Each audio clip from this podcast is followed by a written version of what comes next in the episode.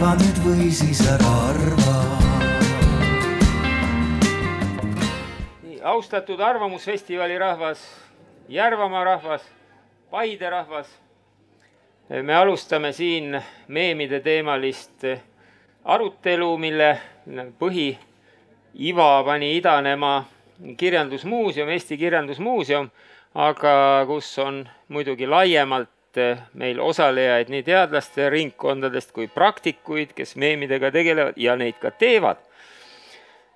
nii et arutelu tuleb igal juhul huvitav, lisaks on meil ka viipekeele tõlk. lisaks on siit ka veebi ülekanne, nii et me kajame üle maailma mitmes keeles ja, ja ka palju laiemalt, kui siin praegu on. Neid hakkab kindlasti siit rohkem ka läbi saalima, nii et, et äh, inimesed äh, jõuavad ka mõnikord poole peal. aga see on ikkagi üks rõõmus sumisev pere. nii et alustame meemide teemal ja mm, minu individuaalne küsimus siis kõigile, äh, sellele ei pea otseselt vastama kõik debatikaaslased, aga on see, et millal see meemindus algas, sest minu meelest ma olen lapsepõlves puudutan, äh, puutunud kokku näiteks Poola plakatiga, mu ema oli kunstnik äh, ja minu meelest plakatikunst oli läbi aegade juba aastakümneid tegelikult seesama meemindus, kus kas siis oli see jutumull juures või ei olnud, ikkagi anti edasi mingid topeltideed. me oleme harjunud võib-olla sellega, et et äh, meemide sellise vastand, vastandamise motiivi, noh, nad vastanduvad tihti või siis humoorika motiivi annab ju tihti see, et äh, võltsitakse tegelikkust, pannakse kokku erinevatest ooperitest pilt ja sõnad ja siis nauditakse selle tulemust. et kas see on tegelikkuse võltsimine, see on üks küsimus ehm, ja kas, no näiteks, kas meemid on karikatuuri otsene arendus või on see karikatuurist või tuntud karikatuurist mm, mingi, mingi edasiarendus või laiendus, mis praegu eraldub karikatuuride maailmast täielikult. mõtlen joonistatud karikatuuride maailmast. kui kultuuriliselt sisse juhatada, siis äh, no näiteks kas Sirbis kaheksakümnendate lõpus ilmunud äh, Sitta kah, Priit Pärma jo-, Pärna joonistus oleks tänasel päeval kirjeldatav meemina. Selles maailmas või jäi seal midagi puudu ja ütleme nüüd see multimeedia pool või, või see kahereaalsuse pool on nii-öelda lisandunud nii et omaaegne nii-öelda ühedimensiono-, dimensiooniline mm, joonistatud karikatuur otseselt ei olnud meem. nii et aga kõigest sellest saame me kuulda ja kuna ma eile ühes debatis osalesin, kus oli mul põhjust juba ühte särki kanda ja täna hiljem ma lähen Peipsi äärde ühtedele suvepäevadele edasi, nii et Peipsi teema on väga kuum, siis ma küsin mu seljas on särk. oi, mu seljas on ikkagi särk, ehm, kus on kirjutatud Johansoni eh, laulu, Johansonide laulu sõnadega, no te teate, et algas see niimoodi, hei, poisid, kas olete valmis, lükkame korraga. Peipsi koha pealt lükkame lahti. Selle väikese Maarjamaa. ja siis kaheksakümne kaheksandal aastal, kui me tegime noorte muinsuskaitse malevaid kus korjasime pärimust Kirjandusmuuseumi arhiividesse, siis ma lasin sellise särgi teha, see oli kaheksakümne kaheksandal aastal muidugi palju kõnekam kui praegu. joonistatud mehed, sinimust ja valge, siis ei, sinimust-valgest väga palju veel ei, ei olnud, noh juttu juba oli, aga, aga igal pool teda ei olnud. ja Peipsi koha pealt lahti lükkamine, noh, on kaudselt ka praegu üks teema. et kas, kas selline eh, nii-öelda natukene kujundlikum pilt ühe konkreetse sõnumi juurde, mis ei ole ju karikatuur, aga annab konkreetset sõnumit edasi, kas see on ka meem tänases tähenduses või mitte. meie debatis on äh, osalejad, nagu ma ütlesin, mitmest vallast ja siit järjest läheme esitlusega. ma unustasin enda kohta ütlema, mina olen Tõnis Lukas ja see, siin on mul olnud au öö, olla sellepärast, et ma olin hiljuti veel Eesti Kirjandusmuuseumi direktor ja siis siin, nagu ma ütlesin, on paljuski Kirjandusmuuseumi algatus. aga edasi on meil siin Robin Juhkental, kes siis on nii-öelda prakti-, praktikute poolt meemimeister.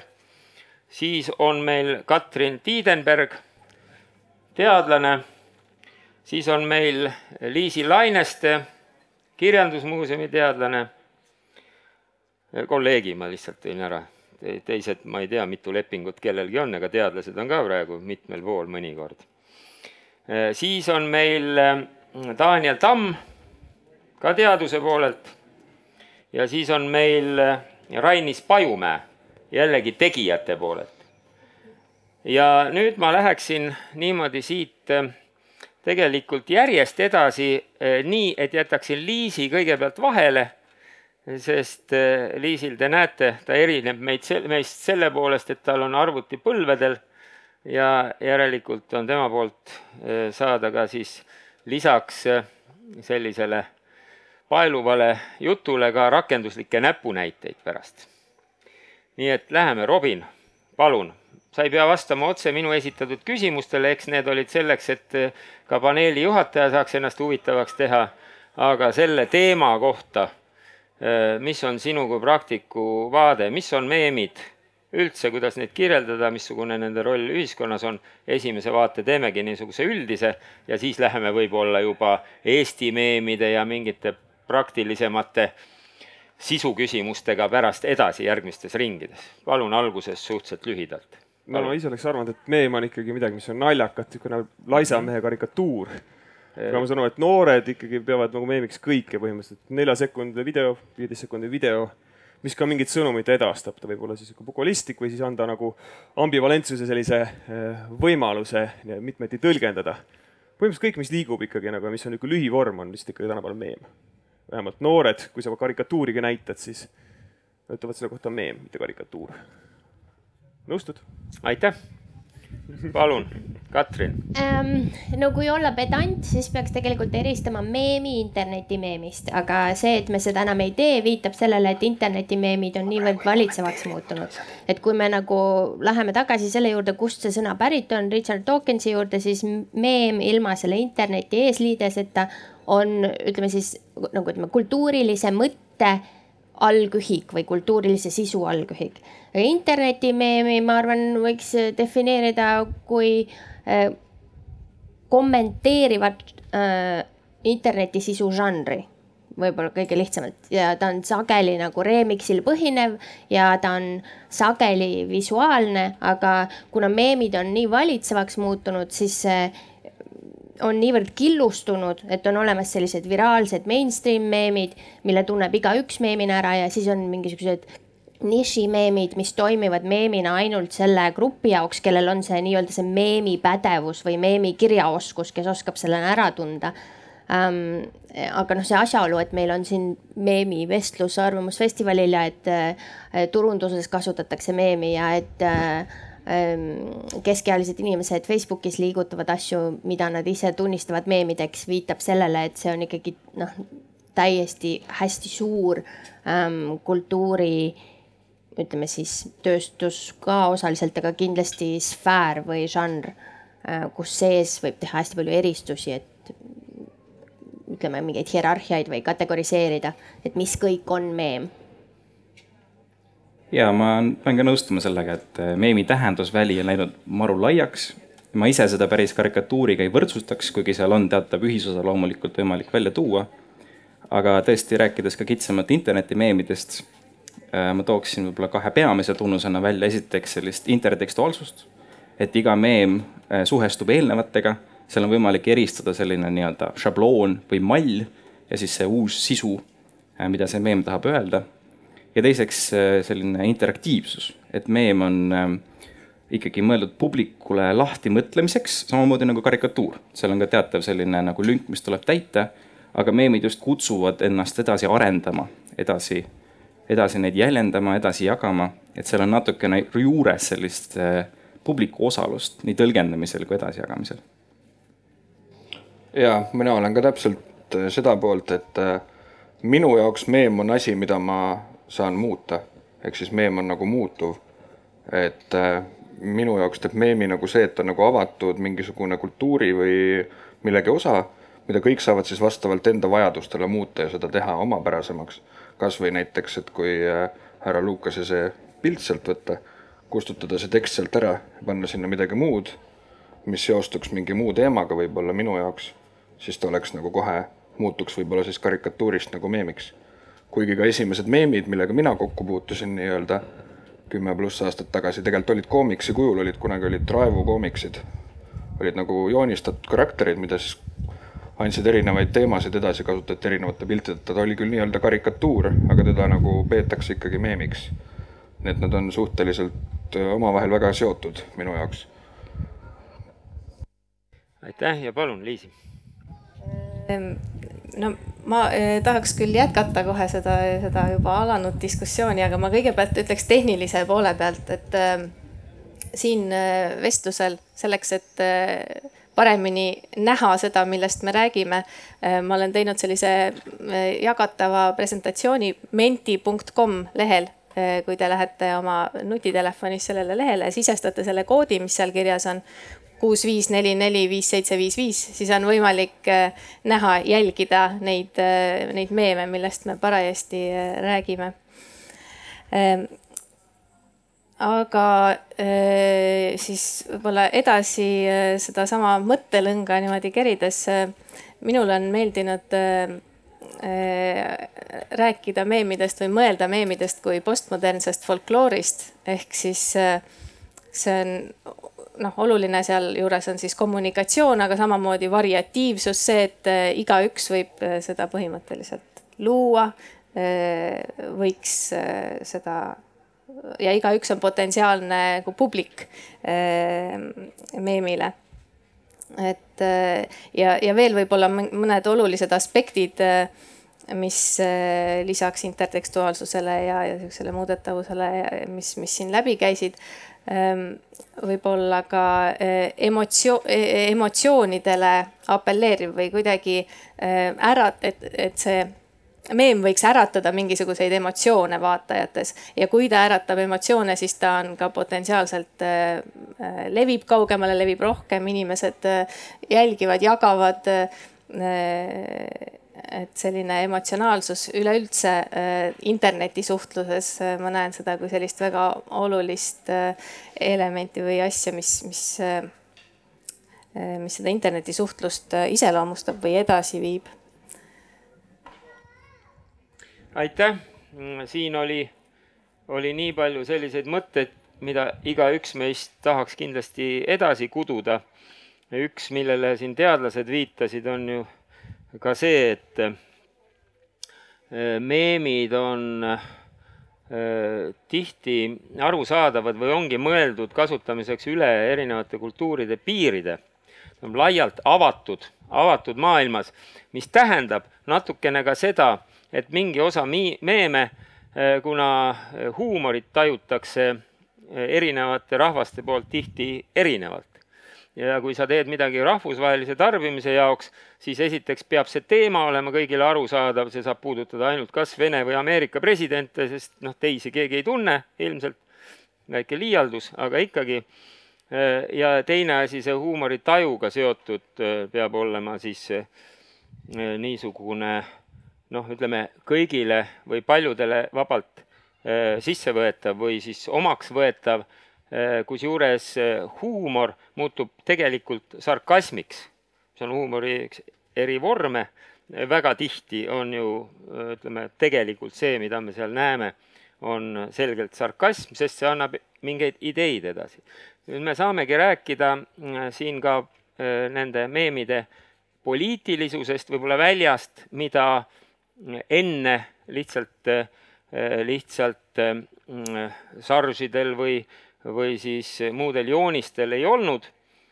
ja üks sõna, mida üldse ei kasutatud, aga mille edasiarendus tegelikult ju meem on lühivormis, on anekdoot. et äh, see on ju lühianekdoot tegelikult, äh, sest vaata, anekdoot oli vorm, suusõnalisena muidugi oli ta noh, tehniliselt lihtsam, oli vorm, kus pandi tihti mitu asja kokku ja muudeti nii-öelda tavaolukorras võib-olla noh, väga tavaline asi naljakaks. ja eh, me jõuame Eesti eh, meemide näidete juurde varsti, aga ma võtaksin siis edasi niisuguse teoreetilise punkti nagu, eh, nagu huumor. et Robinile seostus meem justkui ainult huumoriga või see lähtepunkt oli, et ta peab olema humoorikas, et selle sa tõid välja et see, see, see on sinu. noh, nagu ma ütlesin, meemid on tihti ka täiesti tigedad. ja, ja noh, kui on huumor, siis on lihtsalt jalaga tagumikku löömise huumor. noh, muud seal võib-olla humoorikad, meie jaoks ei ole. võib-olla mõnele muule rahvakihile võib-olla on, me ei tea, eks ju. Aga, aga see on jällegi nii, et igaüks võtab seda oma peas edasi, eks ju. kas ta, kas talle on see, noh, kaasab teda või mitte. aga käiksime siis selle üle, et aga miks te, miks te üldse leiate, et meemide üks põhiline kandja või ka ütleme see, et miks meem võiks publikule peale minna, on huumor ja kas ainus huu-, ainult huumor. Palun no alustada, siis ma kõigepealt küsikski inimeste käest nüüd, et kes siin kuule, kuulavad, et mul on siin selline küsimustik teile, et kas meemid peavad olema naljakad, et siis me saame tagasisidet, mis teie arvate ka. väga hea, palun. minu jaoks ikka peab meem olema naljakas, ma isiklikult ei ole jaganud kunagi midagi sellist, mis oleks lihtsalt ainult faktipõhine või ei ole pidanud seda meemiks. See on ikka soov inimesi siis äh, kuidagi mingit meelelahutust pakkuda siis kas sõbrale või tuttavale ja siis ise tunda ennast kuidagi paremini tänu sellele. kui sa saad meelelahutust pakkuda või saad mõne naerupahvaku selle peale mm. -hmm. no no Sorry, või läheme järjest või läheme? võtame siis järjest praegu juba siin. okei okay., ütleme siis, kui nagu eh, uuringute põhiselt vaadata, siis eh, pigem oleks ka nõus ja, ja rahvusvahelised uurijad on ka nõus, et, et huumor mängib siin üliolulist rolli ähm,. aga äh, huumor ise on niivõrd selline libe kala defineerimise jaoks. et äh, see, et noh, mis sa siin ennem välja tõid, et jalaga tagumikku või mitte või kellel on naljakas, kellel ei ole, sa mainisid erinevaid riike, aga hästi palju räägitakse ka põlvkondlikest erinevustest, noh räägitaksegi suumerite ja buumerite meemidest ja nii edasi. ja selle kallal võib ka norida, et äh, kas noh, kui hea mõiste see põlvkond ikkagi on, aga fakt on selles, et esiteks me kasutame huumorit erinevatel eesmärkidel, et ma võin teha nalja selleks, et teha sinu üle nalja, et, et tunda ennast paremana. või äh, ma võin naerda sellepärast, et mul on mega piinlik ja see on äh, ainus asi, kuidas ma suudan mingisuguse olukorraga hakkama saada äh, või, või kergenduseks või, või mida iganes. ja, ja sellel ja siis ütleme see, miks ma naeran, on nii keeruline ja siis miks keegi teine minuga koos naerab, ma ka seda kunagi tegelikult täpselt ei tea. et millisest osast sellest naljast aru sai ja kuna see meem on nii kihiline, siis eh, see läheb see nagu eriti huvitavaks. et kas ta naerab sellepärast, sina kasutasid seda intertekstuaalsuse mõistet, et kas ta naerab sellepärast, et tal on minuga sama nii-öelda see meemi pädevus, et ta saab aru, kust see üks tekst on võetud, ehk siis ütleme, see pildiline osa, siis kust see kommentaar tuleb ja mida näiteks päevakajalist ta kommenteerib, on ju. et ta loo-, ta tõlgendab seda nii nagu mina seda tahtsin, et ta tõlgendaks. või ta naerab sellepärast, et sai valesti aru, aga kuidagi eriti naljakalt valesti aru. Ehm, või noh, see läheb eriti metaks siis, kus on ähm, meemiuurijad ütlevad, et noh, et väga levinud on nii, et äh, see on ja see on juba mitmekordne, et sa võtad, nad nimetavad seda friteeritud meemiks ehk deep fried, mis on nagu selline Facebooki meem, mis on selline nagu vanemate ja vanaemade meem nagu eriti lame, nõme, igav vana meem, mainstream meem ja siis, kui sa nagu sellise nagu cool'i meemi inimesena seda jagad, isegi ilma ühegi kommentaarita, siis see sinu väike ring saab aru, et see on nagu sarkasm. ja nad aktsepteerivad seda sellena, mitte nad ei arva, et sa järsku arvasid, et see mingi vanakooli meem on naljakas mm. -hmm. et, ähm, et see, ütleme siis nii, et see, et kas on, kas meem peab või ei pea olema naljakas meid otseselt nagu kuidagi sellest keerukusest ei päästa. selge. Liisi, nüüd sa oled lihtsurelike hulgas, palun. Ehm, jah, ütleme, et tõepoolest eh, enamus meemiuurijaid eh, leiab, et, et humoorikus on üks selline alustaladest või üks olulistest eh, tunnustest meemi juures, aga samas see ei ole kindlasti peamine, see on võib-olla midagi sellist, mis eh, kutsub meid meemi kui žanri juurde, mis midagi, mis justkui nagu meelitab või tõmbab liimile nii-öelda. aga samas väga sageli meem sisas-, sisaldab mingisugust kriitilist, ühiskonnakriitilist, päevakajalist kommentaari või, või sõnumit, mis eh, ei pruugi üldse olla humoorikas. ja eh, em, ja siinkohal me võime mõelda ka igasuguste selliste võib-olla äh, äh, erinevate subkultuuride meemide peale, et kui, kui äh, äh, näiteks mingisugune mainstream või põ- põhiarvamusest väga erinev, kardinaalselt erinev ja, ja võib-olla ühiskonnas mitte aktsepteeritud arvamus meemi kaudu näiteks levima läheb või, või laiali läheb. väga sageli võib ju niimoodi olla, et, et sa esialgu võib-olla vaatad ja naerad ja siis mõtled, et oi, et tegelikult sellise asja üle ei tohikski naerda, et anekdootide puhul see võiks ka ju väga sageli esile tulla, et keegi räägib mingi šovinistliku nalja, esimese hooga võib-olla pahvatad naerma, aga siis see, see edasine nagu see, mille peale see mõtlema paneb, ei, ei pruugi alati üldse nii sihuke noh, enda arvamustega kooskõlas ollagi.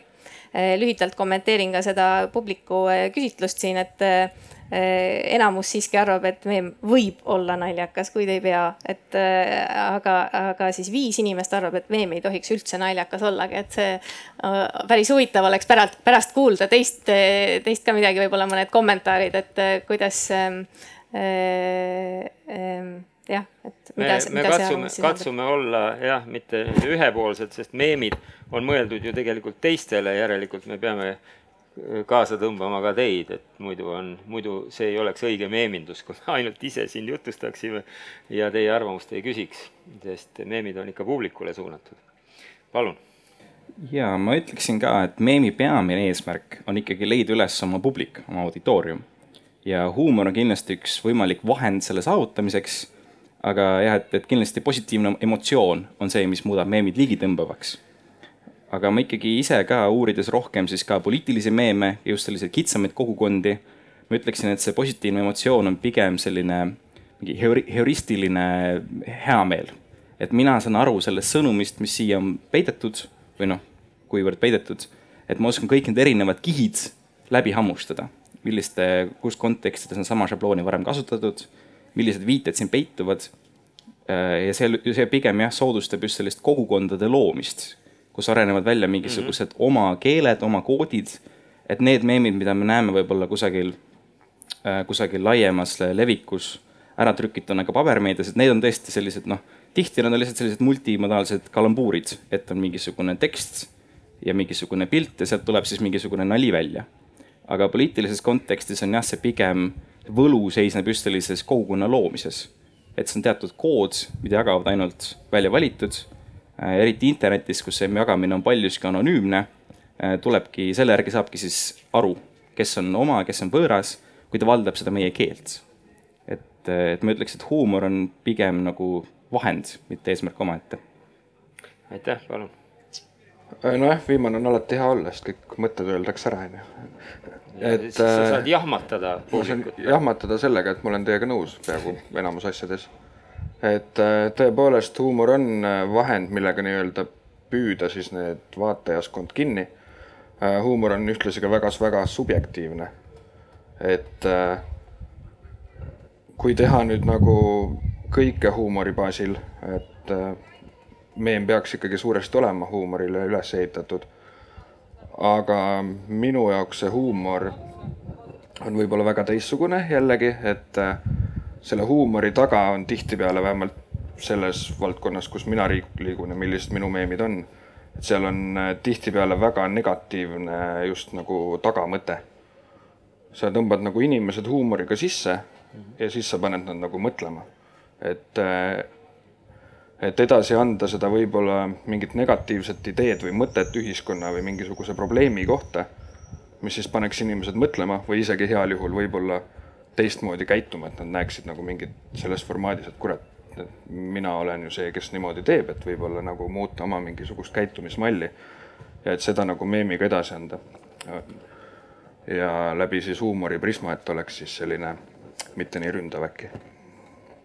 ja Daniel kasutas sõna negatiivne, aga ma saan aru, et sa mõtlesid nii, et seal on mingi tõsine, tõsine sõnum, mis juhib tähelepanu noh, mingitele kas vastuoludele või halbatele Just. tendentsidele ühiskonnas, eks ju, mille vastu sa protesteerid või, või ütleme, mis on sinu meelest negatiivsed.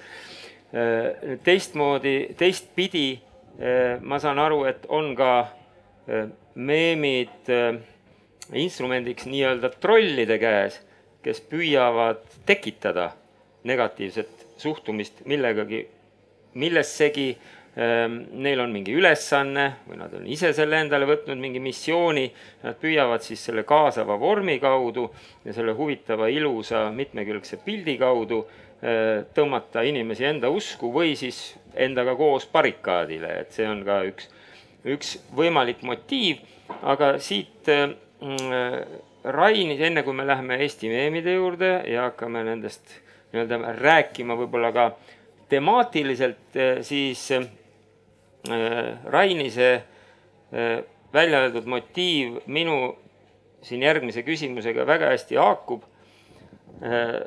sest ta ütles või sa ütlesid, kohalviibijast kolmandas isikus ei räägita, sa ütlesid, et meemid on mõeldud kas gru, mingit grupisidet tugevdama näiteks, eks. siis mina küsingi nüüd noh, lihtsalt minu jaoks on see huvitav kas meemidega saab ka rahvast harida, et kas seal on ka, ka selline õpetlik iva, mis tähendab, et sa, sa no, harid, sa tood mingi teema, mis võib-olla publiku jaoks ei ole tuntud, aga tekitad huvi mingi valdkonna vastu või on meem ikkagi ainult suunatud nendele, kes juba sellest aru saavad see tähendab, et meem ei kõrgenda mitte, ei, ei hari inimesi, vaid eh, on mõeldud mingile arusaamisele või mingi maailmavaatelisele tasandile, ei anna midagi juurde, vaid tekitab äratundmist juba olemasolevate teadmiste pinnalt. kas keegi tahab sellele reageerida? näiteks minul seostub see kohe ka uurimistulemustega, mis räägivad sellest, et, et selle intertekstuaalsuse võib-olla üks sihuke plusse või tõmbenumbreid ongi see, et, et selleks, et mõista meemi või seda, sellest nagu seda nautida, sa ei pea tundma, ei, sa ei pea aru saama kõikidest nendest intertekstuaalsuse tasemetest.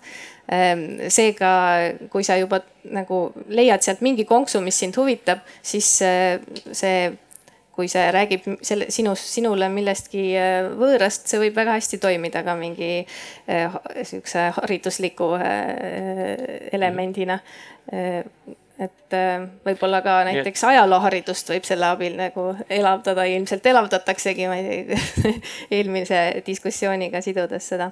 või samamoodi ma olen näiteks küsinud noorte käest, kellele ma olen selleteemalisi loenguid pidanud, et lugenud, et kas nemad näevad, et äh, meemid mingis mõttes asendavad päevauudiseid nende jaoks ja päris paljud on öelnud, et jah, tõepoolest, et äh, mõnedest asjadest nad saavadki esimesena teada just meemide kaudu, et äh, ähm, kasvõi seesama Ukraina sõda, mis praegu käib, et ega inimesed jälgivadki võib-olla vähemalt mingi põlvkonnaliselt, võib-olla põlvkonnasiseselt just meemikajastust sellele. Nii et õpetajatel on tark meeme kasutada, Eesti Rahva Muuseumis muide on antud eh, nii maailma, Euroopa kui Eesti ajalugu läbi piltide, no mida võib ka mõnes mõttes noh, humoorikate piltide, mida võib siin kapi ustel niimoodi järjest, üks saal selline on, mida võib ka meemideks lugeda, kas keegi tahtis sellele motiivile? ma kommenteeriks ka, sest me tegime, me, meil just hakkab lõppema üks suur äh, üle, mitte päris üle-euroopaline, aga rahvusvaheline uuring, äh, mille üks alauuring oli siis kuueteist kuni kaheksateist aastastega nende, ütleme siis poliitilisest osalusest ja maailmavaadete kujunemisest. ja sealt Eesti andmetest, äh, mis meie kogusime, tuli väga eredalt välja see, et meemid meemidel on äh, vähemalt selle sihtrühma jaoks selline, mida ütleme meediauuringutes klassikaliselt on omistatud äh, siis laiatarbemeediale, see agenda seadmise ehk mis üldse on uudis ja siis raamistamise ehk kuidas sellest uudisest mõelda, et kas see on hea uudis või see on halb uudis, kas see on probleem või see on saavutus. et nad täidavad päris suurel määral selle sihtrühma jaoks seda mõlemat funktsiooni, et sa ärkad hommikul üles, sa lähed oma erinevatesse keskkondadesse, kus sa lähed oma sõbragrupi chat idesse ja mis on sinna nagu kokku tõstetud meemidena, see on nii-öelda teema Ehm, ja sealt tuleb siis see, et eh, mis on nagu ütleme siis sellised suured, neid nimetatakse um, uued sotsiaalliikumised ehk siis sellised identiteedipõhised maailmavaated, noh, ütleme siis öko või LGBT õigused või mis iganes. et need tulevad sealt hästi palju läbi rahvusvaheliste äh, meemide, siis tuleb päevakajaline just seesama, et mis on nagu oluline Ehm, ja siis ongi see, et ühelt poolt öeldakse, et noored umbes poliitika neid ei huvita, see kodune parteipoliitika. Ehm, ja sina enne mainisid USA ja Vene presidenti ja see tulebki hästi palju, et mõlema valimise kohta nad teavad väga palju, sest selle kohta on väga palju meeme, sealt tekib siis huvi, siis sa lähed loed juurde ja nii edasi. see on noorte hommikune ajaleht, nagu ma aru mhm. saan mm -hmm. niimoodi. nüüd me lisame tempot, ei tee niimoodi rida vastamisi enam. Mm, kuigi kõikidel motiive võib ka hiljem kasutada kas selle nii-öelda peaaegu et sissejuhatava osa juurde, kas meil peab olema humoorikas, sellele te juba vastasite kollektiivselt, aga, aga nendele aruteludele, kas ta, kas tal peab olema õpetuslik iva või, või mis tema põhimotiiv üldse on, tahate teie midagi lisada või midagi küsida, et siis pärast me lähme siis konkreetsete juba Eesti näidete juurde, palun. ja, et äh, alustan, alustan sellega, et, et ja, et äh, alustaksin sellega, et siin äh, paneelis kui ka publikus on palju tuttavaid nägusid ja need, kes mind teavad, millega ma tegelen, siis võib, võib öelda, et, et ma. see on mõnes... järgmine plokk tegelikult. jah, mõnes mõttes olen autoriteetne. aga ma ütleksin selle olemuse kohta ka, et äh, minu see nende kommentaar äh, kattub üpriski palju nende punktidega, mida on juba öeldud, aga ma lisaksin veel selle et hea meem, mis levib kiiresti ja osutub populaarseks, on ka oma sisult üpriski essentsialistlik. see tähendab seda, et äh, noh, see esiteks see sõnum on üheselt mõistetav, ta on kergesti mõistetav just selle tõttu, et ta mängib siis nende mingid teatud siis kasvõi siis eelarvamuste või isegi eelteadmiste peale.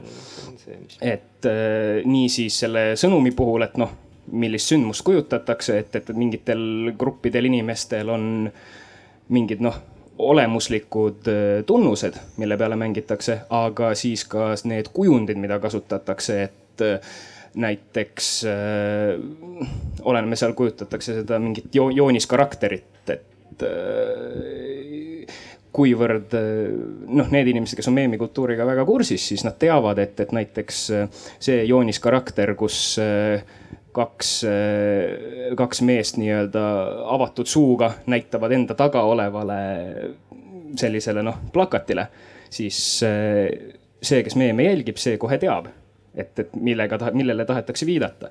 ja ma arvan, et, et just see, et, et meem rõhub siis olemasolevate eel, eelteadmistele, eelarvamustele, stereotüüpidele, teeb selle ka öö, just heaks. aitäh. nii, kas on praegu küsimusi? Kui ei ole, siis eh, läheme siia paneeli juurde, palun. tahaks öelda veel lõpetuseks võib-olla siia, et see eksistentsiaalne antagonism ei pea nagu sees olema meemis, et tihtipeale see ei olegi mingit maailmavalu või mingisugust eh, sellist suurt küsimust õhus, aga ka halval naljal võib olla mingis mõttes diskursusele selline stimuleeriv mõju, et ütleme, et Rainis teeb halva meemi, kindlasti teinud kunagi, aga kunagi teeb. ja see on väga halb ja natuke rassistlik ka, siis ma ütlen talle, et ära rohkem tee ja no kaudselt ühiskond muutub paremaks, kui ta saab siis aru, et ta vea tegi. kohe näha, et vanad sõbrad. korra näid enne. aga noh. tahad sa vastunäidet tuua? ei ma... näide minuga lihtsalt on ju. jah, põhimõtteliselt. mõned allpool olen teinud ka. jah, aga mm, nüüd olemegi siis teie kui tegijate juures mõnes mõttes, eh, kuigi mm, eh, Eesti elu kohta meeme võivad teha ka teised, teised rahvad, anekdoote on ju naabrid naabrite kohta alati rääkinud. ja, ja teatavasti trollivabrikud treivad äh, meeme ka Venemaal meie elu kohta ja võib-olla kuskil veel. Äh, kõik on avatud maailm. nii et ma ei ütle, et see puudutab ainult Eesti tegijaid, aga ikkagi võtame selle Eesti meeminduse ette, mis siis on meie rahvuskultuuri osa. Ja kuna teie olete seda uurinud, teinud, ma siin rohkem midagi ette ei anna, mõne küsimuse ma siin juba alguses andsin, aga läheks, kes tahaks esimesena sõna äh, iseloomustada, mis teemadel Eestis meeme tehakse? Äh,, missugused on hoiakud ja, ja, ja missugune see nii-öelda tootmise tase või kui professionaalne või amatöörlik see on? palun võib-olla öelda, et meil praegu on käsil sellise mm, koostööartikli ettevalmistamine, kus me käsitleme Ukraina sõjateemalisi meeme erinevates äh, keeleruumides. Ähm, ja sealt tuleb väga eredalt välja see, et eesti keelse, Eesti, Eestis nagu eestlaste hulgas ringlevad Ukraina teemalised meemid on väga sageli eh, inglisekeelsed, venekeelsed, vahel ka ukrainakeelsed ja üsna harva eestikeelsed, kui neil üldse, kui seal on nagu siis mingisugune tekst üldse juures. et eh, mõnes mõttes see nagu iseloomustab ka seda, kuidas eh, ja meemimeistrid siin võivad vastu vaielda või lisada, et et päris palju on sellist noh, inglisekeelset näiteks minu meelest, kas üksteist ei saatnud mulle ka ühe enda meemi näite, mis oligi inglisekeelne. jah, et selline noh, ütleme, et me siis, et eestlased kui meemitarbijad tarbivad meeme väga laialt kogu maailmast mingil määral kes tahab, palun. jah, no kui midagi välja tuua, siis võib-olla kõlab rahvuslikult natuke, aga kindlasti meie meemid on paremad kui nagu ülejäänud maailmas. et äh, sellega olete kõik nõus. nagu sellepärast, meie muusika ja, ja, ja meie naised ja, ja, ja, õlu ja, ja, ja mis iganes on ju. et äh, ma tunnen, et me lihtsalt ei luba endale sellist nagu äh, labasust ja nagu ka eestikeelsed laulusõnad on nagu kõrgema lävendiga kui äh, inglisekeelsed, mis on läbi läinud, ma tunnen, et me nagu me ei lase päris nagu suvalist labasust läbi, et äh, inglise keeles I love you ei pane nagu kõrva teritama, siis eesti keeles ma armastan sind äh, on palju raskem öelda, onju ei, meil omavahel no, kindlasti. jah, ja, ja laulusõnade sees ka, et see ei kõlaks nagu klišee või juustusena. aga ma tunnen just, et Eestis võib-olla neid adaptatsioone ja neid selliseid lolle šabloone kasutame nagu vähem, kuna lihtsalt meil on inimesed, kes on raudseesid taga elanud ja mingisugused lääne kultuuri mingisuguse Star tracki meemid ei ütle nagu suuremale osale mitte midagi. ja Vene omast me nagu oleme distantseerinud ennast, mis tähendab seda, et meil ikkagi on originaalsemad natukene need äh, meemid. vaielge vastu või kiitke takka. näitan parajasti äh, meie äh, meemimeistrite valmistatud meeme taustaks. palun, Rainis jah, võib-olla, mis seostub natukene ka selle nagu nii-öelda auditooriumile apelleerimisega, et seal oleks mingisugune asi, millest nad juba aru saavad siis tõesti, see on selles mõttes selline peelne köiel käimine, et ühest küljest see peab haakuma mingisuguste eelnevate arvamuste või teadmistega, aga samas eduka meemi üks võtmeid on ka see, et ta näitab seda mingist uuest valgusest kuidagi loominguliselt.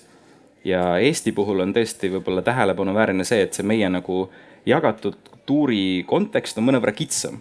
et jällegi, et võib-olla kusagil ülemaailmselt inimesed vaatasid erinevaid saateid üles kasvades, aga meil on selline mingisugune Kreisi raadio tujurikkuja mingisugused reporteri lõigud on kuidagi, kuidagi selles mõttes nagu kitsamas äh, ringis jagatud, et see ühine ruum on mõnes mõttes suurem ja see on ka huvitav, et see põlvkondadega nagu muutub. et ma olen küll täheldanud, et, et tänapäeval näiteks Reisiraadio ütleb väga vähe noorematele inimestele, isegi tujurikk on juba selles faasis, et piisavalt kaua aega on möödas. kuule, see Maie ja Valdur oli nii õudne praegu vaadata, kui Eesti Televisioon näitas, et kakskümmend aastat tagasi võib-olla isegi rahvas naeris, aga praegu oli, oli niisugune jah ka tehniline tase, nii et see on sul õige, et, et asi muutub. Äh, kuule, ma küsin sult, et kui tegijalt, et kui on mingi niisugune üldinimlik suhe, mida sa tahad edasi anda või isegi sündmus, millele sa tahad hinnangut anda ja kui seal on noh, seotud inimesed, keda avalikkus eriti ei tunne, kas sul on kiusatus panna sinna mõni nägu juurde, keda tuntakse, et see üldse kõnekas oleks. ka, kas tuntud nägusid ekspluateeritakse mõnikord üle, sellepärast et noh, muidu mu meem noh, ei levi või, või äh, lihtsalt saad aru, et meil ka elus noh, pooli kirjanikke keegi ei tunne või pooli sportlasi keegi ei tunne, et tahan midagi sportlaste kohta öelda, panen ikkagi sinna Erki Noole või, või, või ma ei tea, Katariina Lehise pildi sest teised ei ütle midagi? see oleneb ilmselt suuresti, mida sa selle meemiga edasi tahad öelda mm. -hmm. et kui see on näiteks mingisugune katkend kusagilt videost, kus on mingisugune subtiitrid all, kus on mingisugune tekst, mis haakub selle teemaga, kus on võib-olla siis mingi kuulsama eestlase nägu peal, et siis seda annab selles formaadis kasutada. küll aga nagu teha meem valmis niimoodi, et panna sinna kuhugile lihtsalt hõljuma mingi Erki Noole pea, iseenesest tundub mulle naljakas niisama juba mõttena. aga kas, ei tegelikult, tegelikult see tundub päris naljakas jah et anda mingi täiesti absurdne point edasi lihtsalt Erki Noole ja Lehise pead hõljuksid seal, siis jah, see võib täitsa töötada küll jah, jah. no ja ma ei hakka mul tuleb tuttav ette, kuidas Eesti Rahva Muuseumis tehti, Eesti Rahva Muuseumi uue hoone avamise eel tegid tuntud tegijad ühe niisuguse mm, filmi, lühifilmi, mis oli absurdselt üles ehitatud selleks, et tähelepanu ja seal Jakob Hurda pea tõesti õljus ka ja niimoodi. Eh, võib-olla seal oli ka eh, Erki Noole või Arnold Rüütli, no ei tea. ühesõnaga selge on see, et eh, tuntud inimesed peavad rohkem arvestama, et nad meemi satuvad. kindlasti jah ja.. palun laulu, siis nüüd on see, et ma panen su meemi.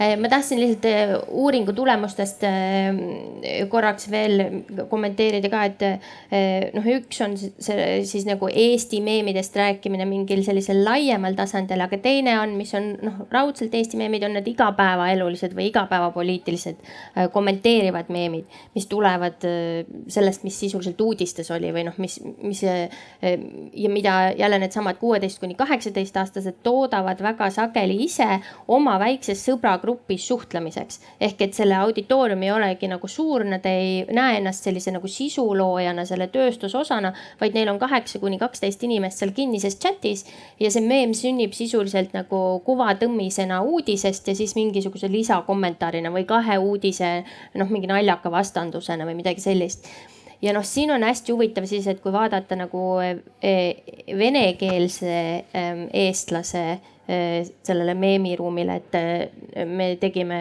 see meie uuring oli, seal olid intervjuud, aga siis oli nagu etnograafiline osa ka, kus me lihtsalt jälgisime erinevates nendes keskkondades. Ehm, ja seal oli näiteks minu jaoks üllatavalt palju selliseid nii-öelda ehm, venekeelsele Eestimaa elanikkonnale lihtsasti samastuvaid, aga üldse mitte päevapoliitilisi meeme, noh enamasti selle kohta, et kas sa pead oskama eesti keelt või kui hästi sa oskad või sinu vene aktsendi kohta või mingeid selliseid noh, nagu selliseid igapäevaelulisi.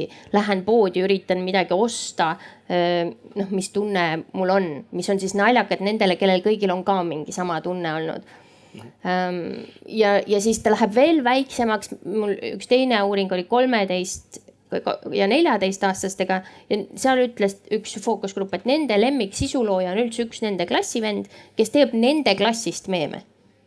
Ja see ongi, tema teeb neid, teema on ainult, mis nendel seal matemaatikatunnis või kuskil juhtus. Need on noh, ma arvaks, kõikide meie teiste jaoks niivõrd absurdsed või noh, niivõrd nii-öelda siis tänkid, et me ei saaks mitte midagi sellest aru või see on nagu mega random, mega imelik, aga see väike grupp, nende jaoks Eesti meemikultuur on vot see. Katrin, lai avalikkus üldiselt mõistab, et mida annab noh, ma ei tea, Eesti või kasutatavate põllumajandusväetiste uurimine või, või siis mingite majandusseoste uurimine või isegi põlevkivi uurimine. aga mida see sinu uuring, millele sa viitasid, tegelikult annab? milleks seda kasutada saab? Helgel laupäeva hommikul pean oma olemasolu põhjendama. ei, ei ähm,, aga, aga tõsiselt, vastupidi, mitte põhjendama, vaid veenma kogu ühiskonda, et sellega annab midagi teha no ütleme, siin on kaks asja, et äh, see äh, natuke vanemate noorte, kuusteist kuni kaheksateist, äh, alates tuhande üheksasaja seitsmekümnendatest poliitiline osalus klassikalises mõttes parteis osalemise ja hääletamas käimisega on langenud. kui me usume sellesse, et demokraatia on saavutatav läbi osaluse, siis see on mega hirmus ja väga õudne. ja seega on vajalik aru saada, kuidas reaalselt pealekasvav põlvkond ühiskonnaelus osaleb. miks, miks mitte, mis neile korda läheb, mis neile korda ei lähe. meem on selleks äh, super koht, kus seda. nägite, humanitaar- ja sotsiaalteadused on ka rakendusteadused tegelikult meile põhjendati ära ja väga õige, seda tahtsimegi tõestada. aga nüüd öelge, et kui meemid on tihti noh, mingites vanusegruppides e-, eriti suunatud ühe no ütleme sõpruskonna sisse ja chat itakse seal suhteliselt suletud ringis. aga vahel nad murravad sealt välja ja nende tähendus ka võib-olla laiadel ringil on hoopis teistsugune et äh, öelge, kas teie tegijate ja uurijatena olete puutunud kokku, äh, et kui palju on nii-öelda palutud eemaldada mingitest portaalidest enda kohta käivaid meeme, kui palju on protesteeritud, kui palju on kohtuasju meemidest tingituna, kas oskate selle kohta midagi öelda? vastus on ka, kui et ei ole, eks. minul on isiklikult äh,, ma olen kolm meemi maha võtnud mm. -hmm sest et need on olnud pildid, mis ma olen võtnud internetist, kes on olnud äh, pildil, noh, minule mitteteadav isik, kes on mulle kirjutanud ja palunud, et kas sa saaksid selle eemaldada, et, et ma ei soovi seal nagu peal olla, vähemalt selles formaadis siis, kuidas sa seda kasutad. ja ma olen alati nagu võtnud maha, vabandanud ja teinud siis sama meemi kas teise pildiga.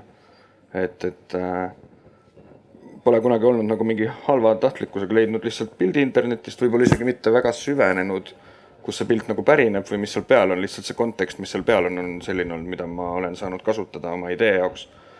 Ja, ja olen võtnud maha äh, ühestki nagu kohtuasjast Eestis meemidega seoses mina ei ole kunagi kuulnud. vähemalt meie riigis küll mitte. aitäh, kas keegi tahab selle teema, palun? ja ma vastan eelmisele küsimusele ka äh, nagu kaudselt et mina ei ole ka ühtki maha kunagi võtnud ja sa enne küsisid, kas mõnikord on, oleme omistanud nagu võib-olla mõnele inimesele, kellel otsest seost ei ole meemiga, mingisugused paned sinna, no mis nüüd Lehise tõi näiteks, on ju, et äh, kuidagi meemi pannud ja üritanud siis kildu rebida, olgugi et tal pole mingi otsest seost selle asja, nalja pointiga.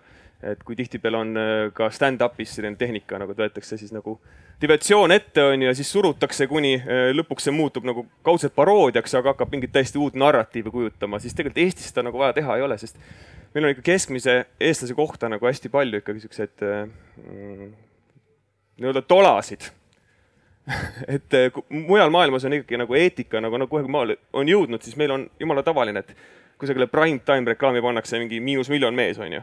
et tegelikult ei peaks, et eh, USA-s ilmselt oleks, tähendaks kohtu case'i. Ja kui meil on ikkagi ka nagu poliitikute seas eh, inimesi, kes on noh, läinud üle piiri, me kõik teame, et nad on midagi valesti teinud Repinski, et siis meil ei ole nagu otseselt vaja välja mõelda kedagi et.... mina kuulsin, mina kuulsin. see oli köha, see oli köha. aga et siis meil nagu endal ei ole vaja nagu utreerida mingeid asju või, või võtta kusagilt lambist, et ma julgeks öelda, et tihtipeale meemid ikkagi vastavad tegelikkusele, lihtsalt äh, meem on see viimane kohtumõistja. viimane kohtumõistja, see viimne kohtupäev, see, see on ei kaeba edasi, ei kaeba edasi. Mees on delusional. Väga hea. nii, äh, nüüd äh, öelge palun publikum ja te saate kohe kommentaari spetsialistide käest. Eh, kui on midagi kommenteerida muidugi. et ehm, kas te soovite väljendada eh, näiteks mõnda suhtumist, tuleb teil meelde viimastel päevadel või, või teile olulisel ajal ilmunud mõni meem, mis on teil meelde jäänud, eh, mille kohta noh, ütleme siis mis on teis tekitanud positiivset emotsiooni, negatiivset, mille kohta teil on küsimusi. on teil mingeid näiteid? palun.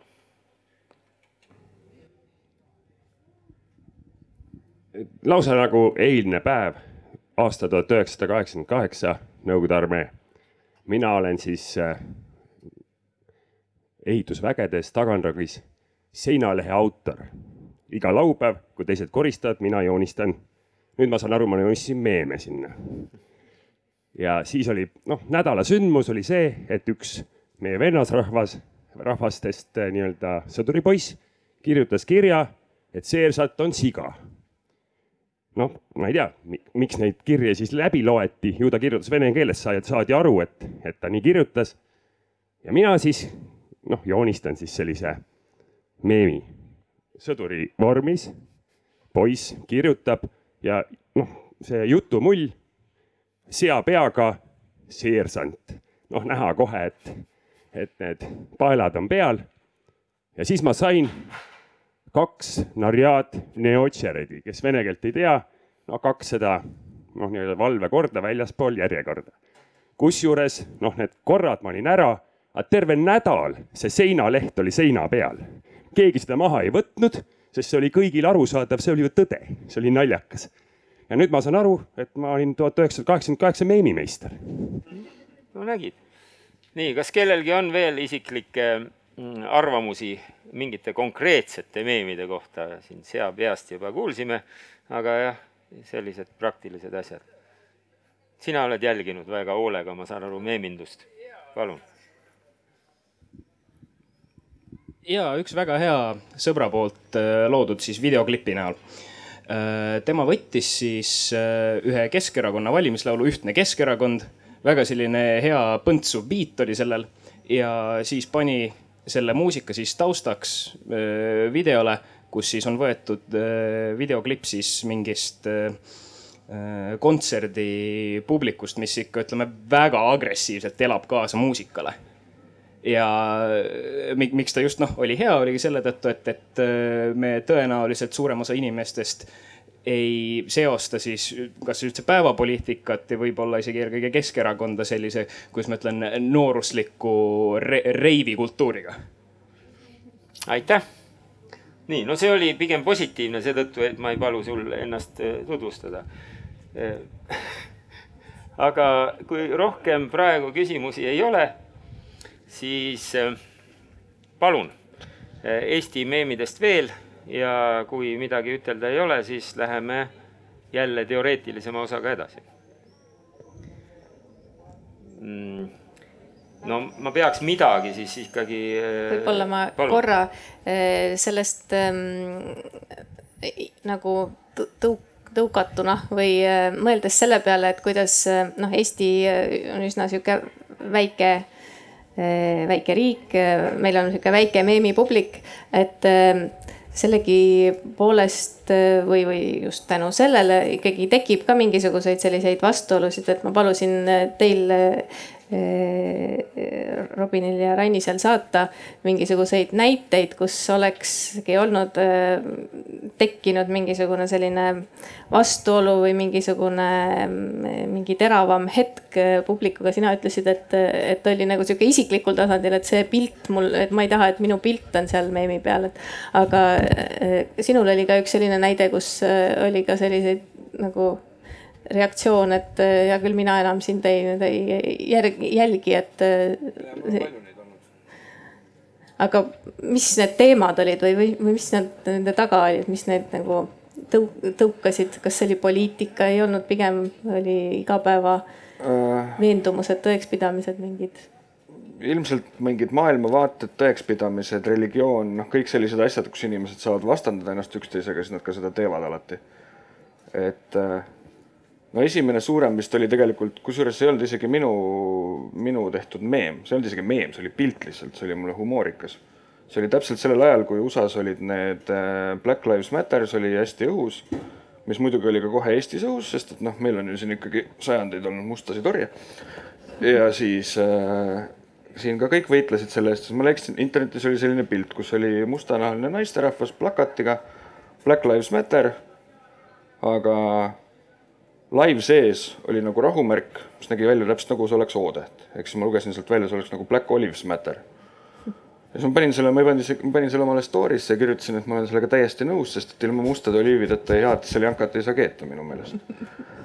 ja seda siis äh, inimesed, kes on siis mingitel oma arvamustel ja oma silmaklappidega tõlgendasid seda, kui mind, ma olen nagu täielik rassist, et ma nagu keedan mingit, ma ei tea, mis X seljankat nende arust mingitest rahvustest panid siis selle pildi koos mingi minuga, noh, ma siis üritasin alguses nendega seal väidelda ja vaielda ja siis sain aru, et see on täiesti peaga vastu seina jooksmine.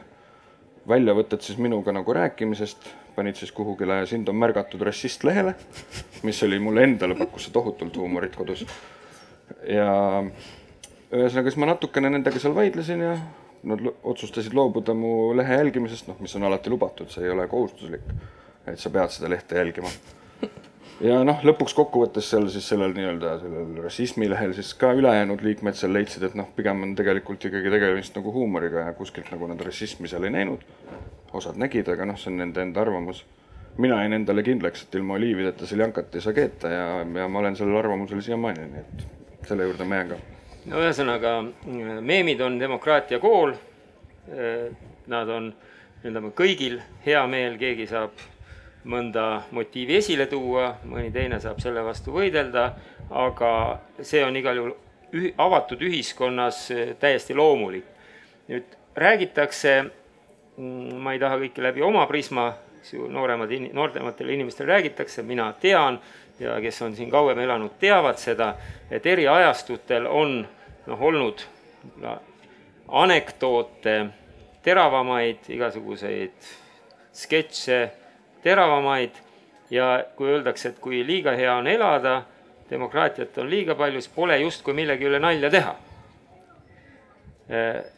ma küsin, kas Eesti ühiskonnas on lihtne meemideks ideed leida ja, ja kas paistab välja no ütleme, mingi, mingi temaatiline kitsendus või, või ütleme, et ei ole neid teemasid nii palju leida Eesti ühiskonnast või on neid parasjagu piisavalt, kuigi meil on demokraatia ju tegelikult väga suur ja, ja kõik on võimalik äkki Robin võtab siinkohal sõnast, ma väga armastan just tema päevakajalisi nagu meeme. ära poe, ära poe, aga ma armastan sind ka jah ja.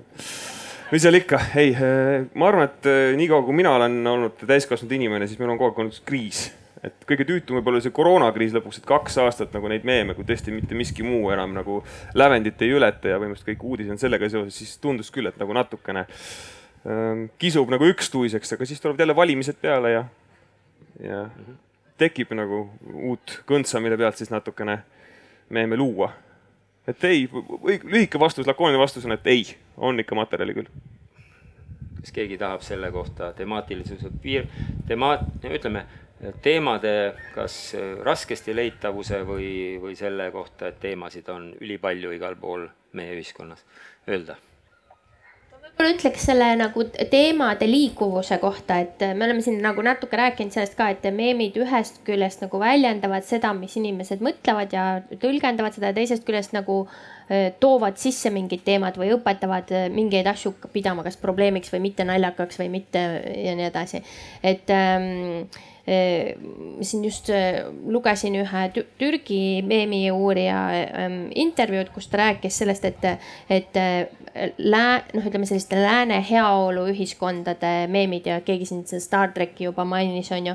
et mõned meemid, mis üldinimlikult on võib-olla nagu naljakad, aga samas sa ei tunne ennast ära, sest sa noh, ütleme hästi tüüpiline USA-s on see, et ma ei tea, minu vanemad, kui nad olid kakskümmend viis, siis nad juba ostsid maja ja see oli võimalik ja nüüd meie elame mingis pidevas äh, majanduskriisis ja see ei ole võimalik. et siis on terve hulk äh, teisi riike ja rahvaid, kus, kui sa mõtled, mis sinu vanemad noh, elasid hoopis mingisuguses diktaatorlikus riigis või mida iganes, et, et see nagu ei kandu üle, aga sa samas nagu noh, sa, ta otseselt, sa ei ütle ka, et ta on mitte naljakas või ta on mm -hmm. nagu noh, sa saad nagu aru. ja siis teisest küljest me näeme noh, nii palju, kui ma olen nagu vaadanud, siis osaliselt ikkagi need nii-öelda välismaa meemid tõlgitakse ja eestindatakse ära ka mis ei ole nagu võib-olla ütleme siis Eesti ajalooga seotud, vaid noh, mingisugused sellised spetsiifilised noored versus vanad või mingi avokaadotõust ja investeerimine ja mingid, et need, need ja, ja siis need nagu see mudel ka nagu ütleme siis see, et ütleme, see formuleering, et mis sa kasutad, et ma ei tea, mingi solvumise teema kohta või, või kuidas midagi öelda, et see, see on nagu hästi dialoogiline. Eh, et mis osa sellest on Eesti osa ja mis tuleb kuskilt väljast, et minu meelest see on võib-olla üks nagu väga huvitavaid asju Eesti meemide puhul. et kui sa jälgid palju ka muid meeme, siis kust sa nagu otsid selle saba otsa üles, et okei okay,, ma tean, kust see tuli, see on puhtalt kodus välja mõeldud, aga see on mingi remix. kas demokraatias, kui kõik on avalik ja võimalik, eh, kas on ikkagi mingi ja, ja võib lihtsalt laksaki otsa ette panna ühemõttelise nalja ja kõik saavad aru või on vahel vajadus ikkagi ridade vahele ka kirjutada? oskab keegi selle küsimuse peale midagi, no meil, meil ei ole seda vajadust või, või on sellist, ütleme, mitmetasandilist huvitavat et tahad anda veel mingi kolmanda-neljanda tähenduse, millest üldiselt eriti aru ei saada või vastupidi, just sellest varjatud tähendusest saadakse aru rohkem kui sellest pildist. pilt on ainult äh, nii-öelda suitsukate, aga tegelikult seal ridade vahel on see tegelik mõte, mida sa tahad anda. palun. sellega on natuke sihuke vastuolu ka, et isiklikult tahaks ka teha mingeid hästi peeneid meeme, millest saavad nagu hästi targad inimesed ainult aru. aga seal on see vahe sees, et see tihtipeale see väga peen või öelda nii väga kitsa ringi huumor ei lähe peale ja sa ei saa siis piisavalt likee ja share'e ja siis dopamiin nagu ajus ei tõuse. Siis üritadki teha sellist ikkagi, mis oleks natuke nagu, nagu heas mõttes rahvalik, aga samas kusagil laveeriks siis ka seal, kus on nagu nii-öelda peen maitse. et kusagile sinna keskele tabada ja samamoodi, et ta läheks nagu üle piiri ka ei läheks või oleks natuke nii-öelda piiri peal, sest mulle ikkagi meeldib maailm, kui seda nagu ruulivad mingid lahedad tüübid, kes panevad aeg-ajalt puusse, kui et mingid kuivikud on ju, kes teevad ainult selliseid asju, mis ei ole kuidagi diskursuses kedagi välja ei vihasta või nagu siin ennist ütlesid ka, et tuleb kirju, et, et eh, noh, et nüüd see meem läks küll nüüd üle piiri, et mul on väga, sul on mingi kaks tuhat meemi seal, mis on eh, jumala üle piiri, mul samamoodi. ma olen vist jaganud kolme tuhandet umbes, et mul on ka tulnud eh, vahepeal mingisuguseid kirju, et no nüüd see pole küll naljakas, no väga tore.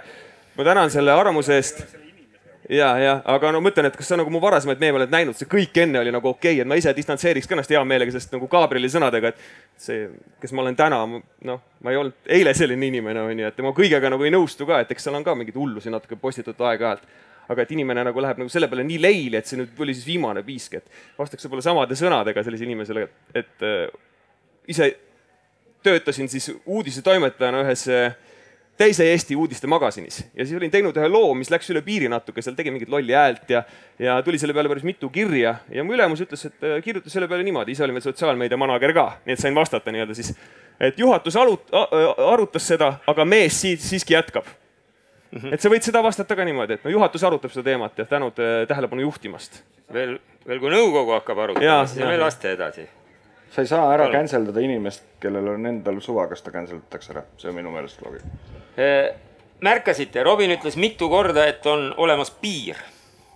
kas see piir on moraalne, juriidiline või on ta ainult seal, et no vot sealt sellest piirist edasi inimesed ei saa enam aru ja, ja no ütleme, lähevad mu lehelt minema käime üle piiri ikka natuke nagu Kersna käis, hüppas korra üle ja, ja. sõi seal Pohlat ära Venemaal ja tuli kas tagasi, et natuke seal lähedal on. kas see piir on teie jaoks moraalne, juriidiline või nii-öelda tarbijaskonna suurusest, väiksusest? Eh, ma arvan, et ta koosneb nendest kõigist piiridest tegelikult, kui seda nagu piiri hakata niimoodi määratlema no.. seal on kindlasti mingi moraalne piir, noh, oleneb, milline see moraalsus on, see on ka jälle suhteline nagu huumor, eks mm. -hmm. et nagu no. minu moraalsus ja võib-olla Robini moraalsus ei kattu üldse selle koha pealt, onju. et äh, sa teed nii-öelda siis enda moraali piirini seda, mitte nagu oma vaatajaskonna no, moraali piirini. ei ole, siis tuleb juriidiline piir tihti. jah, siis tuleb juriidiline piir juba vastu ilmselt jah. juriidiline piir on võib-olla see kõige valusam meemi tegijale. moraali värk on see, et nagu tihti, kui ma ikka saan sada nagu kurba nagu vastust või kurja vastust, siis ma olen võimeline vabandama ka, ma arvan, et on võimeline ka seda inimene tunnistama endale, kes. ja ei muidugi absoluutselt. tõesti noh, läks valesti, saarisõbrad. nii, kas te kas te soovite küsida midagi panelistidelt? võtke aga hoogu ja. palun. härra Metafoor. jah, no tegelikult mul oleks kolm küsimust nüüd ta tegi mulle ära, sest tal oli üllatus, et ma talle annan, aga nüüd ta võtab kogu õhtu ja võib-olla esimene on lihtsalt selline kommentaar, võiks siis metafoorist alustada, et äh, tegelikult meemid on ka ju puhtalt äh, metafoorse loogikaga tähendusülekanne kahe eri tüüpi objekti vahel mingisuguse ühisosa alusel. aga näiteks lüürikateoorias räägitakse alati, et kriisisituatsioonide ajal pöördutakse poeetilise keelekasutuse poole, ehk siis hakatakse lugema näiteks luulet. Aga tavaliselt hakatakse lugema klassikat, mitte nüüdisluulet, sellepärast et äh, nüüdisluule ei tundu tõsiseltvõetav et aga mulle tundub, et meemide selline põhiline funktsioon, millest poleks, pole nagu eriti räägitud, on viimastel kuudel olnud pigem just selline lepitav või siis ähm, noh, selline isegi natukene eneseteraapiline ehk siis elatakse välja ennast kuidagi ja, ja siis aitab kuidagi selle olukorraga toime tulla või midagi sellist, ehk siis meemid on kuidagi väga olulised. aga kaks küsimust on nagu äh, seotud sellega, et siin jutus mulle jäi kogu aeg mulje, et vähemasti internetimeemid on kogu väga efemeersed või lühiajalised. ehk siis, et kas luuakse ka internetimeeme, millel on selline ajaülene potentsiaal ja teiselt poolt, et kas vastab tõele hüpotees, et liberaalse maailmavaatega maailmavaate esindajad loovad rohkem meeme kui konservatiivid. aitäh, palun, kes soovib vastata? välismaa internetilehtedes näiteks just no ütleme, Ninegagis, ma ei tea, kui paljud sellega kursis on, eks. Loodetavasti paljud, et seal on selline nagu ütlus, et, et vasak äärmus ei oska meeme teha. ma ei tea, kust see nagu on välja tulnud, aga nagu sa tõid just liberaalse poole välja, et nad teevad palju meeme, siis kuidagi seal või nagu nendes ringkondades on nagu arusaam, et nad küll võib-olla teevad meeme, aga nad ei tee neid nagu hästi. aga ma ei tea täpselt, ma ei oska nagu näiteid praegu nagu tuua, kas see vastab ka võib-olla, jah statistiliselt, aga mitte just nagu esinduslike valimite põhjal, aga ütleme mingite suuremate uuringute põhjal, mis on näiteks äh, äh, automaatselt kraapinud andmeid või suurandmete põhjal ja nii edasi, siis äh, tegelikult tundub, et noh, ütleme poliitilise või maailmavaatelise spektri mõlemad otsad teevad väga aktiivselt meeme ja väga aktiivselt hoiavad peal üksteise taktikatel ja, ja kohe õpivad üksteise pealt. et kui üks mõtleb mingisuguse, noh, sest see on, see on kõik tähelepanu majanduse küsimus, et kuidas sa saad tähelepanu ja kuidas sa saad tähelepanuga manipuleerida, kuidas sa saad oma seda seisukohta push ida või siis naeruvääristada vastaseid, hästi palju see meemi värk poliitiliselt on selle peal. et kohe, kui midagi uut mõeldakse välja ja see toimib, siis noh väga lühikese aja pärast kasutatakse täpselt sedasama taktikat või sedasama, ütleme siis nagu formaati või mingisugust nagu nippi äh, selle täpselt teisel pool poliitilise poole pealt. et äh, ja noh, seda ütleme, kui, ähm, äh, kui olulised on poliitiliselt olnud meemid nii nagu konservatiivsete vaadetega inimeste kui liberaalsete vaadetega inimeste mobiliseerimisel, et nad läheksid tänavale või nad läheksid ja murraksid USA-s Kapitooliumisse sisse. et äh, sellest on äh, ka nagu hästi palju juttu olnud ja, ja kirjutatud nii teadusuuringuid kui, kui ta, ütleme siis laia tarbe ähm, pressis päris huvitavaid analüüse. et meeme kindlasti me ei saa alahinnata poliitilise tööriistana ja, ja mitte ainult nagu selle agenda äh, seadmise ja raamistamise mõttes, millest me siin juba rääkisime, vaid reaalselt inimeste tänavale toomises, reaalselt inimeste tülli ajamises ähm, ja nii edasi. mul midagi läks meelest ära, aga keegi teine võtab üle. kommentaariks võib-olla ütleks, et, äh, et sellegi noh on küll uuritud seda, kuidas meemid tegelikult käitumisele mõjuvad või nende arvamustele, arvamusi kujundavad. tegelikkuses on see paljuski selline hall ala veel, et see on, seal on väga palju veel teha ja väga palju uurida. Ehm, aga mida ma veel tahtsin öelda, oli see, et, et need ütleme huumori uurimuse, uurimise kontekstis on selgeks tehtud või, või näidatud seda, kuidas äärmused on just need, mis langevad tavaliselt äh, huumori ohvriks, et äärmused on naljakad. Äh, see normaalne keskmine on see, mis on nagu sihuke äh, hea koht, kus olla, et aga see on võib-olla midagi, mis on muutumas, ma nagu siin ei saa nagu öelda kindlasti, kas see nii on või ei ole, aga mulle tundub, et need äärmuslikud paremast, paremalt või vasakult siis äärmusest lähtuvad meemid või nende poolt äh, produtseeritud meemid on midagi sellist, mis äh, just huumori, see ühisosa huumoriga kipub sageli väga õhukeseks jääma või, või selline. et võib-olla Daniel oskab siin täpsemalt kirjeldada, olles uurinud Eesti paremäärmuslikke meeme, et see on just midagi sellist, mis on nagu niivõrd kummaline, kui sa seda esimesena näed, võib-olla siis tundub isegi nagu sihuke metatasandil, et issand, võib-olla tõesti on nagu juba naljakas, et see on nagu nii kummaline. aga, aga jah, et seda, et see publik peab olema mingi väga fokusseeritud ja väga noh, kuidagi innukas otsima seda huumorit sealt, et seda üldse üles leida. Daniel, palun ja mis puudutab ka nende piiride tõmbamist, siis ma tõesti rõhutaksin üle, et samamoodi nagu huumor on seegi väga suhteline ja mis on meemide võib-olla selline ka võlu erinevatele äärmuslastele, on just see, et selle huumori taha saab ka peituda. et selline teatav ambivalentsus või iroonia on ka võimalik kattevari, kuidas siis nagu tagasi lükata mingisuguseid süüdistusi äh, piiride ületamises ja tõesti, et, ähm, et kui sellised huvilised koonduvad, siis jällegi arenevad välja sellised omaette koodid, sümbolid, pidi ongi väga raske väljaspoolt mõista selle tegelikku tähendust. Ja mis puudutab jah, siis sellist nagu nii-öelda poliitilist skaalat, siis mina ütleksin, et võib-olla ühest küljest saab äärmuste, äärmuslaste üle teha ka kindlasti hästi nalja aga mulle tundub küll, et praegu on interneti meemiuuringutes selline teatav negatiivne võib-olla hoiak tekkinud, et äärmuslased ise on väga agaralt asun-, asunud neid ära kasutama. just siis, just siis ka kitsamates kogukondades, aga ka laiemale publikule, et kus on võimalik sellise huum-, humoorika varjundi taha ennast peita. aitäh, palun. mulle tundub võib-olla, et liberaalses maailmavaates see meemiloome, no hea kantseliit muidugi, äh, on äh, nagu individualistlikum natukene, et ma ei, küll ei tea, et ma oleks kellegagi saanud kunagi kokku kusagil, hakanud siis nagu treima niimoodi, et Ruuben, Ruuben tuleb appiga, ütleb, et täna teeme sel teemal meeme, et äh, ja, ja kui sa hakkad kellelegi suruma peale, siis need võib-olla need praktikandid ei pruugi üldse nagu vaimukad olla, lihtsalt toodavad mingit soppa ja jama, et kas siis ikkagi nagu kurjusest ei saa sündida äh, mingit head loomingut ja meil on ka ikkagi noh, olgu ta väike vorm ja ega me ei võrdle seda sümfooniate või, või raamatutega, aga, aga nagu ikkagi lihtsalt käsu peale hakata vorpima midagi.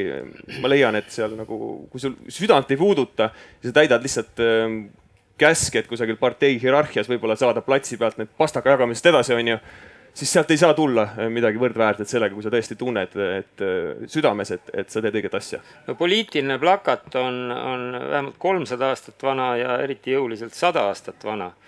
Äh, sõdades konkreetselt mobiliseeriv, vastaste vastu mobiliseeriv, põhiliselt mobiliseeriv, eks ju, oma toetajate mobiliseerimiseks mõeldud. Ja, ja ma saan aru, et ütleme kaasaja meemid, mida te poliitilisteks meemide, poliitiliste meemidena kirjeldate, on siis ka sisuliselt poliitilised plakatid, et nad mobiliseerivad kedagi. üldiselt mobiliseerida tahavad eh, noh, ütleme tavaolukorras ikkagi noh, minu jaoks see mõiste ei ole nii selge, nagu kasutatakse äärm-, äär-, ütleme radikaalid või äärmuslased. aga olgu, ütleme mingi spektri aktiivsem osa on see, kes siis tegeleb sellega ja, ja oleneb ajalooperioodist, kas see äärmuslikud osad on siis seotud selle neutraalse keskmise osaga ka, äh, kui, kui olukord on kriitilisem või kui on rahu, täiesti rahuolukord, siis panevad oma vahel ja omaette. siis noh, minu jaoks on üllatav see, et, et väga palju räägitakse sellest nii-öelda konservatiivsest äärmuslusest, mida isegi uuritakse, eks. Et äh, kindlasti on olemas, aga kas ma saan siis aru, et kunstiliselt kehvemal tasemel mingid teised äärmused, äh, noh, ütleme siis mürkrohelised või, või, või äärmusliberaalid või kas nad on nagu kunstiliselt ja ideeliselt nõrgemad või, või lihtsalt äh, on konservatiivide nii-öelda turm tuli nii võimas, et, et nad ei paista välja või, või milles see asi on, et miks, miks me keskendume ikkagi või on ühiskond soovib kuidagi seda nii-öelda paremäärmuslust rohkem häbimärgistada ja räägib sellest. millest see mm, küsimus tuleb, miks räägitakse konservatiivsest nii-öelda paremäärmuslusest meemide kontekstis natuke rohkem kui teise, teistest nii-öelda elanike vaadete gruppidest? palun võib-olla see seostub kindlasti sellega, et mis on meil arutelus ka läbi käinud, et, et meemid tõesti nagu on natuke vastukarva sellise suurema süsteemiga, võib-olla valitseva mingisuguse konsensusega, et see on just võimalus tavainimestele võtta sõna ja kuivõrd selline noh, vähemalt Eesti kontekstis selline liberaalne konsensus on domineerinud niivõrd kaua mm., et siis on hea, kust nagu kinni haarata mm.. et kui sa just juba oled sellisel mingisugusel mugaval positsioonil, et siis on juba raske mm -hmm. sama meediumit kasutades midagi kritiseerida palun. Nõus selle väitega, et no, selles mõttes, et või noh, oleneb, võib-olla igaüks vaatab oma näpp, mätta otsast, mina vaatan oma nohiku mätta otsast, et kui ma vaatan teadusuuringuid või teadusartikleid mm, -hmm. siis on äh, täiesti märkimisväärne hulk uuringuid nii-öelda nende lumehelbekeste äh, sotsiaal äh, see õigluse, sõdalaste ja feministide meemide kohta ehk mhm. et, et neid on, on ka nagu palju uuritud, mitte ainult siis seda, äh, no võib-olla konservatiivsete meemide puhul on võib-olla mingid lisaaspektid saanud ja see on nüüd USA mitte Eesti eh, näide, eh, saanud eh, palju tähelepanu sellepärast, et seal on olnud mõnes mõttes nagu meelevaldne eelneva kultuuri teksti ärakasutamine. et noh, see Pepe the Frog, see üks konn, mida nad kasutavad, et see, see konna koomiksi looja ei ole konservatiiv ja üritas hammaste ja küüntega oma konna tagasi saada selle vankri eest, mille ette ta rakendati. samamoodi maatriksi punane ja sinine pill, et noh, maatriksi loojad on nagu fenomenaalselt liberaalsete vaadetega ja, ja samamoodi on siis nende see pill on ära omastatud ja pandud täiesti diametraalselt nende vaadetele vastanduvate vaadete kasutuseks tööle. võib-olla sealt on mingid selle arvelt siis lisa nagu diskursus tekkinud, et no mulle sellest jutust jäi selline mulje, aga, aga selge, siin valitseb iseenesest tasakaal. muide lumehelbekeste kohta nii palju, et minu meelest lumehelbekesi määratletakse pigem, pigem põlvkonnana, kes ei oska kraaninuppu lahti keerata, kuivõrd maailmavaateliselt ühise põlvkonnaga. ma saan aru, et lumehelbekesete hulgas on maailmavaade, ei ole kirjeldatud selle nimetusega, seal võib olla väga palju erinevaid maailmavaateid lumehelbeke on eh, nii-öelda vaataja silmades, et see, kes süüdistab kedagi lumi, lumehelbekeseks olemises, see on nagu väga hea paindlik mõiste mm, -hmm. nagu enamik mm -hmm. norivaid eh, mõisteid on.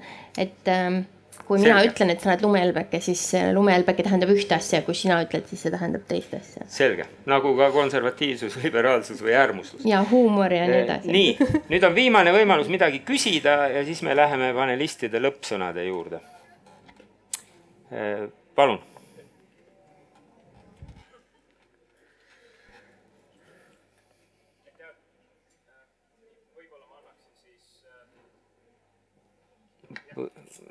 või ei tea, kas töötab. võimed, räägi, vast hakkab tööle siis.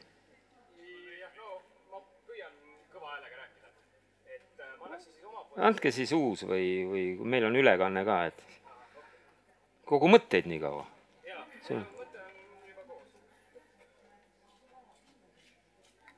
aga see nupp on sees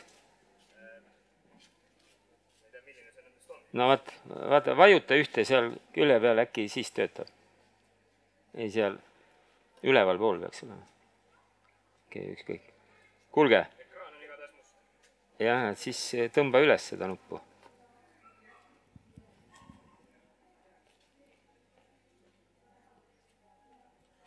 nii äh,. Aitäh, asi lahendatud, aitäh teile. ja, et ma annaks ka veidi omapoolset sisendit sellele teemale, et, et, et noh, miks, miks tavaliselt võib-olla siis kuskil internetis peetakse äh, vasakpoolseid äh, inimesteks, kes ei oska meemida. ja ma arvan, see seostub selle teemaga, mida ma varem mainisin, ehk siis parempoolne maailmavaade, rahvuslik, rahvuskonservatiivne, on tugevalt essentsialistlik. ehk siis nende meemid ka nagu rõhuvad selle nii-öelda olemasolevatele eelteadmistele ja selle tõttu ja see sõnum on ka siis muidugi lühem, et sa pead seal palju vähem seletama. Ja seetõttu äh, see nii-öelda vasak, vasakpoolsete, kes eitavad seda essentsialismi, nende tekstisein ei saa kunagi olla sama naljakas kui see, et äh, hülga, hülga modernsus, naase ahv no kena, ma lihtsalt tahan täpsustada, et äh, meie ümber ei ole ainult mitte rahvuslik konservatiivsus, vaid väga palju leiab globaalkonservatiivseid vaateid, mis on nagu moraalikonservatiivsed, kus rahvuslus ei ole oluline, selle tõttu on nii-öelda globaalselt ka nii-öelda konservatiivid või, või paremäärmuslikud meemid võib-olla levivad üle maailma, sest seal ei ole rahvuslikkusega palju seotud. aga äh, nüüd äh, panelistid, kui on midagi kokkuvõtvat ütelda äh, selles paneelis, siis palun, praegu on see aeg. Lähme siit järjest, palun. no ma ei tea, ma püstitan ühe mõtte, ma ei tea, kas see on postulaat või ei ole, aga äh, kui te siin rääkisite just nagu siis ühest ja teisest poolest kas võib-olla siis meemi tegemise eelduseks on ikkagi nagu lai silmaring ka ja võib eeldada võib-olla, et mingil juhul nagu siis konservatiivsete vaadetega inimesed äh, ei taha võtta vastu niimoodi, et ka noh, meem ei ole kunst, on ju, aga ma toon natuke paralleele, siis oli neid Eesti kunstnikke ka, kes tõmbasid kohe minema Eestis, kui said. Läksid Pariisi, äh, mõned said süüfilise, aga mõned said ka palju teadmisi ja siis nagu laia ilmavaate ja peale seda siis nende loomingusse tuli mingisugune uus uus tasand juurde, et kui sa süfilisus nagu... ei, süfilisne haigusena ei eh, kahanda inimese nii-öelda vaimset. ei, ma lihtsalt mainisin ta lisaks jah, jah. jah, ja, ja, ja noh, muidugi need on nüüd ravitav muidugi aastast kolmkümmend kaheksa ka antibiootikumidega, et tänage siis õnne selle eest, aga see oli siuke vaheremart lihtsalt mõtlesin, et, et inimestel huvitav teada.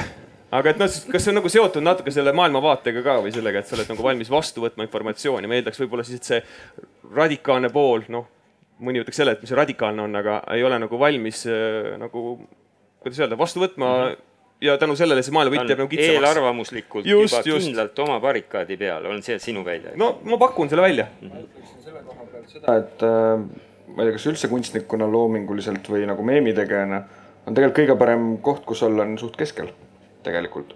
ei, ei, ei nagu kummaski ääres, ei paremas ega vasakus, sest seal keskel, seal on nagu. publik on laiem. esiteks, esiteks, esiteks on nagu publik laiem, teiseks on nagu sealt keskelt on jumala hea torkida nagu mõlemat poolt, et nagu seda vett, vett nagu mudaseks ajada et, et, et sa ei pea nagu ja nii, nii kui sa oled kusagil äärmuses ükskõik mingis asjas, siis sa nagu automaatselt minu meelest sa paned nagu iseennast mingisse kasti. sa nagu määratled ja piirad ennast ära sellega ja, ja, ja see seob sul nagu nii palju rohkem nagu käsi kinni.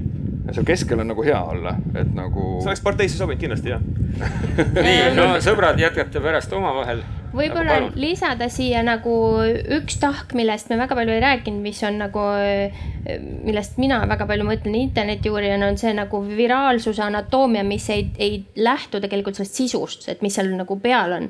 et ja siin on kindlasti erinevat tüüpi meemid käituvad hästi erinevalt. et need poliitilisi meeme, nende viraalsus ja see, kas neid jagatakse edasi või mitte, see tuleneb sageli mitte sellest, et sellele jagajale see hullult meeldib, vaid see on sellest, et ta saab siis kommunikeerida iseenda ja oma kuuluvuse kohta või nii-öelda nende teiste lollide kohta midagi. ehk et ta jagab seda edasi mingitel lisafunktsioonidel. seevastu, kui näiteks mingisugused, ma ei tea, vaimse tervise meemid, noh, neid jagatakse sellistel üldinimlikel samastumise, no mingi stressi ja ärevuse meemid, ma võitsin äh, duši all äh, kujuteldava vaidluse meemid. noh, neid jagatakse edasi hoopis teisel äh, põhjusel lihtsalt selle võib-olla siia lisaks nagu. aitäh no, jah, sa võid kommenteerida. sa võid kommenteerida, jah. võib-olla isegi kui siin tuua nagu mõni niisugune veider või selline kurioosne näide, isegi flirdi eesmärgil on võimalik meemi jagada, kui sa neli päeva järjest jagad mingit väga halba nalja, tüdruk like ib seda, no siis ju ta on ikka huvitatud sinust et.... nojah, näe, palun no,. Võib-olla veel selline aspekt, millest äh, ka võib-olla natuke vähe juttu oli, aga millest me natuke puudutasime seda, kui me rääkisime seda, kuidas meemid üldse töötavad ja kuidas nad mõjuvad inimestele, et äh, hiljuti äh, päris palju mõtlema pannud sellise meemiuurija nagu Bradley Wigginsi raamat meemist kui diskursusest, kus ta kirjutab, et et päris palju ähm, või võiks mõelda selle peale, et tema lähtub siin eh, simulaakrumi Baudrillardi ideest, et, et eh, meemid justkui tekitavad sellise vahu või, või ruumi, kus justkui palju toimub, palju infot jagatakse äh,, like itakse äh,, kommenteeritakse. aga kui palju inimesed sellest tegelikult nagu osa saavad, kui palju nad äh, seda nagu sise, nagu sisendisse sisse võtavad ja päriselt äh, selle järgi käituma hakkavad, et see on nagu äh, väga selline lahtine teema praegu, praeguseks veel. Ähm, et, et meemid kui selline äh, hüperreaalsus või sürreaalsus, see on nagu omaette maailm, kus sa võid nagu korraks käia, aga kust sa võib-olla väga palju kaasa ei võta või, või äh, omaks ei võta, et ma ei tea. ütleme jah, see on selline, ütleme tuleviku teema võib-olla aitäh, palun.